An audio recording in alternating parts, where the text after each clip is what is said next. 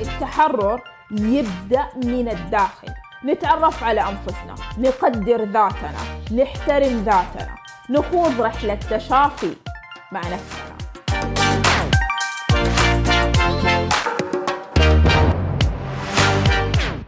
أهلا وسهلا بكم في حكايات يوتيوب. اللي من خلالها هناخدكم في رحلة لعالم يوتيوب وصناع المحتوى اللي بيشاركوا قصصهم مع العالم بطرق مبدعة. أنا طارق أمين من يوتيوب وحكاية النهاردة عن YouTuber شجعت الناس على تقبل نفسهم وإنهم يكونوا إيجابيين في حياتهم. هي كمان بتوفر تدريبات على أرض الواقع للناس المهتمة بتحسين حياتهم من خلال قناتها بلاك كوفي يشرفني أعرفكم على رحاب سعد. نورتينا يا رحاب.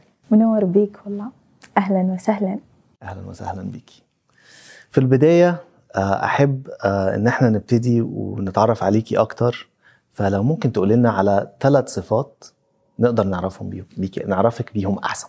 طيب قبل لا أقول ثلاثة صفات خلوكم تعرفوني أنا. مين رحاب؟ آه أنا رحاب سعد. بديت اليوتيوب. كان في الأول إني بصور كل الفيديوهات على سناب شات وبعدين أحفظها على اليوتيوب. إنه في يوم في 2015 2016 سويت فعالية في جدة فرحت هناك انصدمت بإنه اليوتيوب هذا عالم مرة حلو. بعد دخلت على الأكاديمية. NextUp 2019 كان النقلة القوية لرحاب يعني اللي خلاني ممكن أفتح كاميرا وأحكي قصتي خلاني ممكن أكثر جراءة في المواضيع اللي أنا أحكيها. بكذا وقت أقول ثلاثة صفات عن الرحاب. تقبل الحب التسامح. مشوار مشوار طويل مع مع يوتيوب. ممكن تقولي لنا أكتر على أثر الصفات دي آه، على مشوارك في يوتيوب؟ علمتني شلون أتقبل نفسي يعني قدام الكاميرا. مثلا أول ما أحط كاميرا قدام أول كنت أصور عن طريق السناب. أول فيديو لي حرفيا لو أي أحد يرجع بيلقى إن أنا أروح وأجي مثلا بالكاميرا.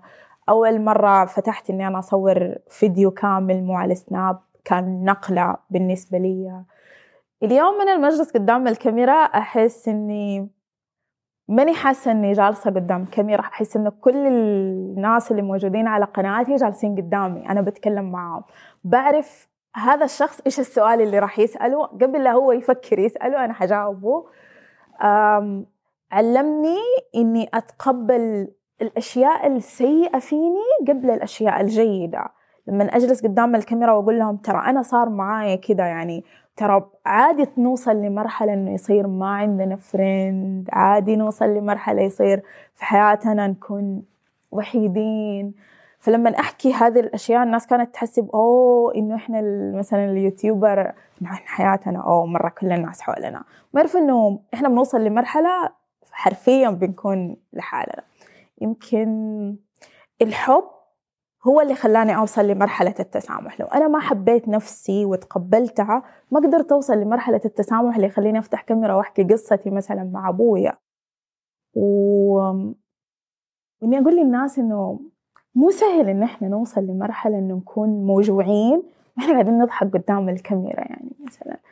وإني أوصل لمرحلة أقول إنه أوه شكرا لهذه الرحلة اللي أنا خضتها شكرا لهذه التجربة اللي أنا عشتها. شكرا لكل ال- الطفولة اللي صارت معايا مع أبويا عشان أقدر أوصل لمرحلة أقول يا اليوم أنا أقدر أقول لكل الناس إن أنا مسامحة أبويا على كل شيء سواه. شكرا لأنه الشيء اللي عمله خلق مني إنسانة جدا جميلة اليوم. مو بس مجرد إن أنا YouTuber ولا إني بس life coach أنا كاتبة روائية. فشيء عظيم في نقلة في حياتي. فهذه كل صفة منهم غيرت فيني وبحاول قد ما أقدر إني أمسك يد أي شخص هو أسمح لي إني أمسك يده. حكيت لنا على على كل اللي مريتي بيه ومن خلال قناتك بت بتحكي وبتبيني أكتر من نفسك. وأنا عارف إن جزء من إنك بتعملي ده إنك كمان عايزة تلهمي الناس وإنك تديهم فرصة إن هم يقدروا إن هم يبقوا فاهمين ويقدروا إن هم يتكلموا كمان على نفسهم. ده ده اللي أنا شايفه.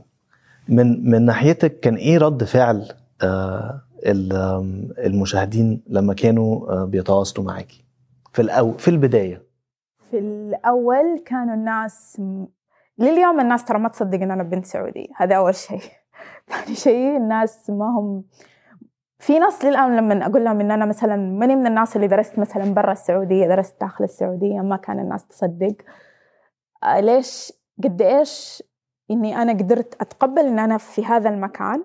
ما كنت قادرة أسافر برا السعودية بحكم كان عندنا أنت لازم تسافر برا السعودية لازم ولي الأمر إنه يعطي موافقة. فكنت أحصر كل شيء أنا ممكن أطوره في نفسي وأنا داخل البيت. مستعدة أقعد ستة شهور أنا مخرج من البيت عشان أتعلم شيء معين. ف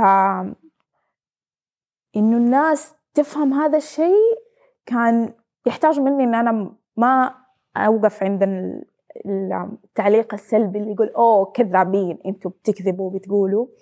لا إن أنا أكون صريحة مع الناس أكون حقيقية. ما يهمني ده الشخص اللي داخل بس عشان يكتب تعليق سلبي يهمني الشخص اللي لما يسمعني أنا ممكن أغير فيه. ف يا كان يحتاج إنه الواحد يسكر إذنه يسكر عينه ويتكلم. فكنت على طول بتبصي وده جزء برضو من رسالتك على الجانب الإيجابي.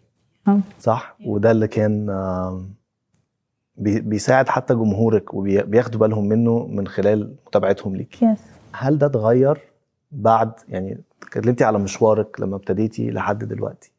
تفاعل الجمهور معاكي؟ والمشاهدين.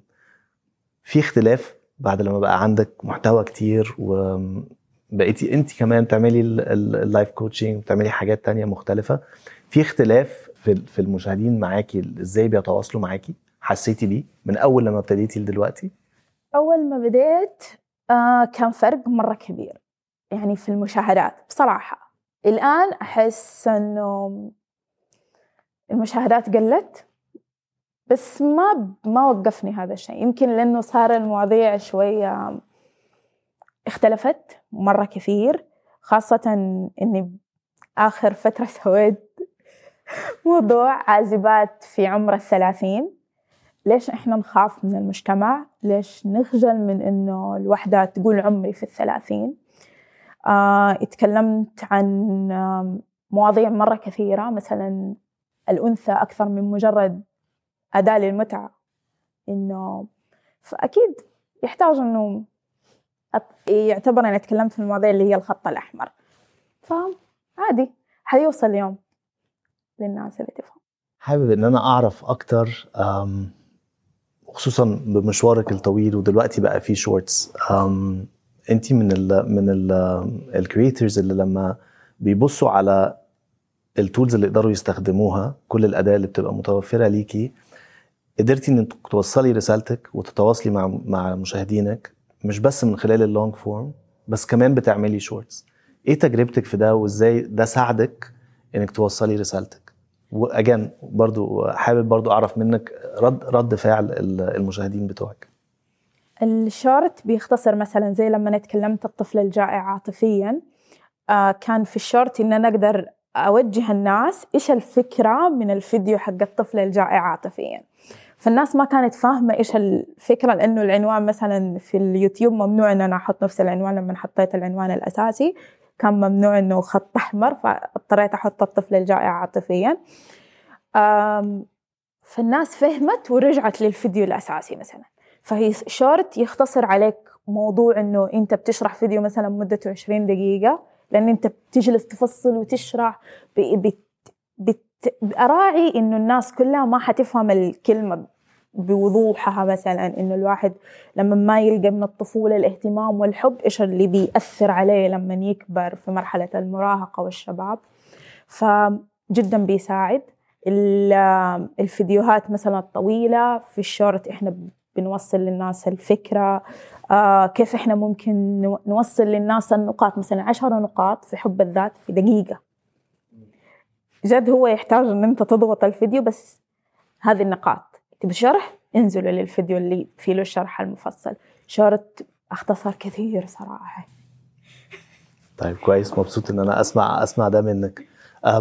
حابب إن أنا أعرف أكتر فيديو عملتيه كنت فخورة بيه. مو فخورة فيه كنت خايفة وأنا أنزل.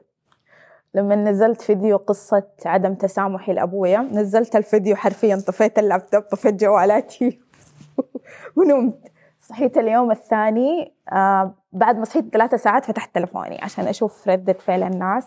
أول اتصال جاني كان من MBC أطلع في علمتني الدنيا عشان أتكلم لو شورت بسيط عن القصة. آه بعدها ردة فعل الناس. ما كنت الناس انصدمت لأنه أنا حتى الناس اللي يعرفوني صديقاتي يمكن يعرفوني 15 20 سنة اللي يعرفوني من يوم رجعت من قص من ابويا من تبوك عند أمي ما كان أحد يعرف قصتي ما حكيتها. فكان بالنسبة للناس صدمة. فهذا الفيديو أنا فخورة جدا بنفسي. لما أرجع اشوفه اليوم أقول واو! من جد خذ تجربة. فهذا الفيديو أنا جدا فخورة فيه. جدا. لأنه يحتاج قوة. إن أنا أحكي قصتي. خاصة انه إحنا في مجتمع عربي دائما عندنا مثل. البيوت أسرار. ونحب قصص الناس بس إحنا ما نحب نحكي قصصنا. الناس نساعد فيها غيرنا.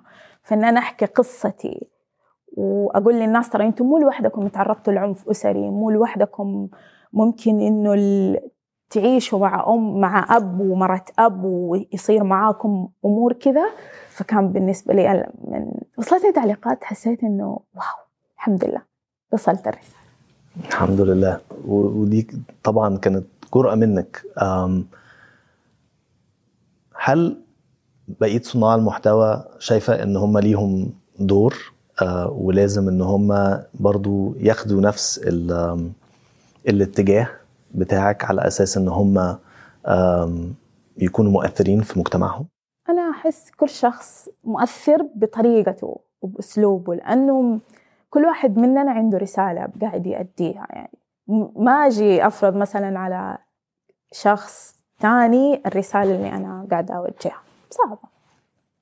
كل واحد لازم يكون عنده خط عنده بصمته لأنه كلنا بصماتنا مختلفة جدا.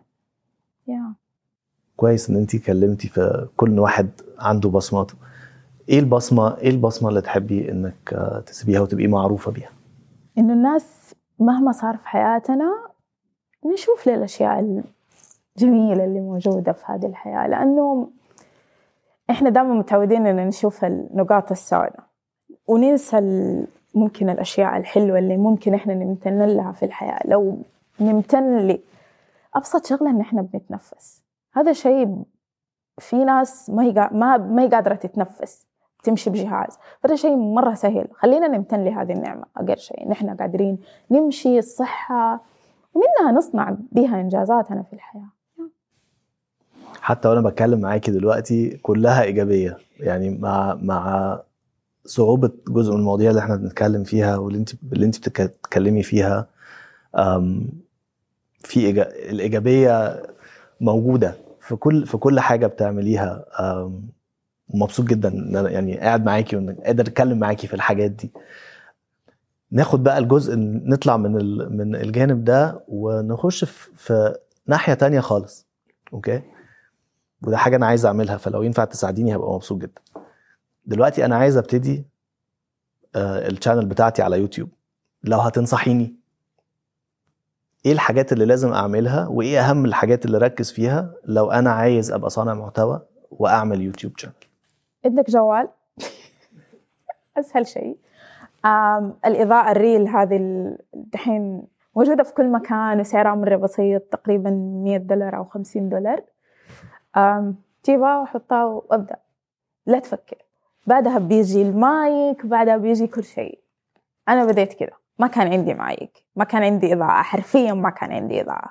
كنت بإضاءة الغرفة. وبعدين فجأة اكتشفت إنه في ال... في مجلس البيت. كالضيوف عندنا إضاءة. ركنة رحت جبتها وصرت أستخدمها. لا لا نصعبها. جيب وقول إيش عندك.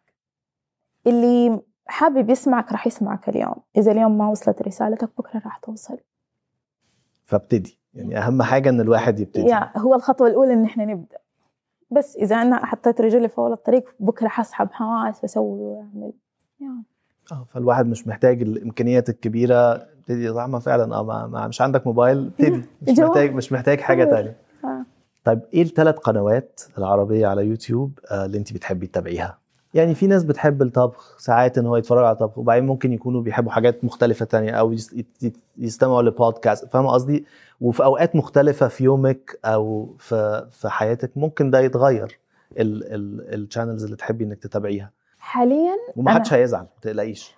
حاليا أنا أتابع آه، يعني. أكثر شيء أكثر شيء آه، أتابع Sadhguru على اليوتيوب. طبخ أشوفه على التلفزيون يعني. أستمتع وأنا أشوف هم يسووا اكتب الوصفات وميوزك. خلاص كذا ريحت نفسي. كده ريحتي نفسك؟ رحاب شكرا جدا إن أنت كنتي معانا النهارده. مبسوط جدا إن أنا أسمع قصتك وإن إحنا نقعد مع بعض مختلفة عن لما بتابعك وأتفرج على الفيديوز بتاعتك. وإن أنا أخيرا قدرت إن أنا أقابلك آه، فمبسوط جدا آه، إن إحنا قدرنا إن إحنا نقعد مع بعض وشكرا لوقتك. شكرا شكرا شكرا مرة كثير وممتنة كثير لهذه ال- الفرصة اللي أعطيتوني إياها يعني يوتيوب بجد يعني. أنا من 2019 لما رحت NextUp يعني هذه نقلة أم، كل شيء تعلمته أنا طبقته على القناة يعني. فجد ممتنة شكرا لكم مرة كثير. شكرا شكرا. لك شكرا لكل اللي تابعونا. نتمنى الحلقة تكون عجبتكم. ما تنسوش تقولوا لنا رأيكم في الحلقة واستنونا في حلقة جديدة من حكايات يوتيوب.